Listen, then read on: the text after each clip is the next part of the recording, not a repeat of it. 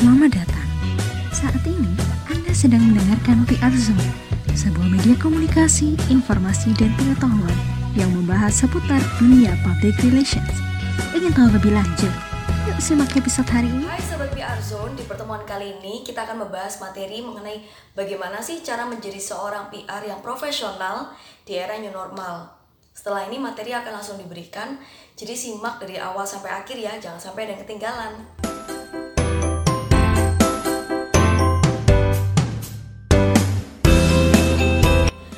COVID-19 telah mengubah semua aspek kehidupan termasuk public relation.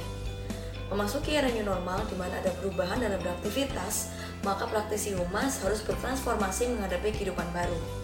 Dalam menjalankan fungsi dan tugasnya sebagai PR, harus memahami bagaimana perubahan komunikasi dan juga perilaku di masyarakat.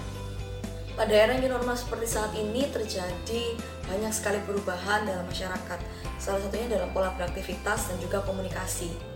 Komunikasi banyak dilakukan melalui jarak jauh untuk menghindari kontak langsung baik secara fisik maupun pertemuan tatap muka. Jadi sama juga dengan pola uh, aktivitas yang terjadi di masyarakat. Contohnya ada WFH atau work from home dan juga SFH yaitu study from home, di mana masyarakat berupaya dengan sangat untuk tetap dapat melakukan aktivitasnya dengan tetap mempertahankan protokol kesehatan, yaitu dengan melakukan hampir seluruh aktivitas uh, dilakukan di rumah. Hal ini tidak hanya terjadi bagi masyarakat luas, namun juga bagi sistem internal yang ada di perusahaan.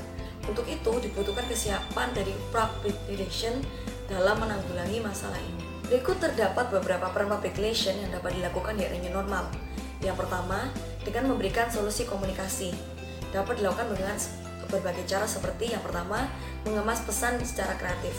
Dengan pesan yang semakin kreatif, maka dapat dengan lebih mudah untuk ditangkap oleh audiens. Peran yang kedua yaitu melakukan inovasi tiada henti dalam memberikan pelayanan. Yang ketiga, dengan lebih aktif memberikan ide-ide kepada kepemimpinan dalam menjalankan sistem perusahaan dengan tetap berjalan dengan baik ataupun menjadi lebih efektif dan juga efisien. Yang keempat, dengan melakukan kolaborasi dengan berbagai divisi internal maupun eksternal dalam menemukan ide dalam menyelesaikan permasalahan yang saat ini sedang dihadapi oleh perusahaan. Peran yang kelima yaitu melaksanakan strategi adaptif dengan menyesuaikan kebijakan, modifikasi operasional kerja, kompromi, dan juga meluluskan citra apabila masalah yang dihadapi dapat mempengaruhi citra dari perusahaan. Kemudian peran selanjutnya yaitu memanfaatkan teknologi digital. Dengan memanfaatkan teknologi digital, pesan yang akan disampaikan dapat terkemas dengan lebih menarik kreatif, dan juga inovatif sehingga dapat lebih mudah diterima oleh audiens. Yang ketujuh, yaitu dengan melakukan monitoring media isu melalui perkembangan yang terjadi di luar atau bagaimana kalayak membicarakan sebuah brand, produk, ataupun hasil dari sebuah perusahaan.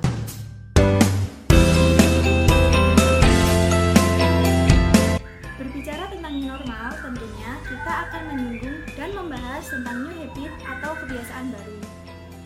Bagi seorang public relations, kebiasaan baru akan tercipta jika kita dapat menyesuaikan diri dan beradaptasi dengan lingkungan yang ada. Kebiasaan baru yang dalam konteks tulisan ini mengarah kepada new style atau gaya baru yang harus dapat dijalankan oleh para praktisi public relations. Dikutip dari iprahumas.id, mengemukakan bahwa konsep new style merupakan hal baru yang dapat dijalankan oleh praktisi PR. Konsep ini memuat unsur 3A. Apa itu unsur 3A? Unsur-unsur tersebut adalah adopt, adapt, dan adapt. Nah, ketiga unsur ini bersifat esensial bagi seorang PR. Yang pertama ada unsur adopt, menjelaskan bahwa PR harus dapat mengadopsi atau menggunakan teknologi yang ada sesuai dengan perkembangan zaman.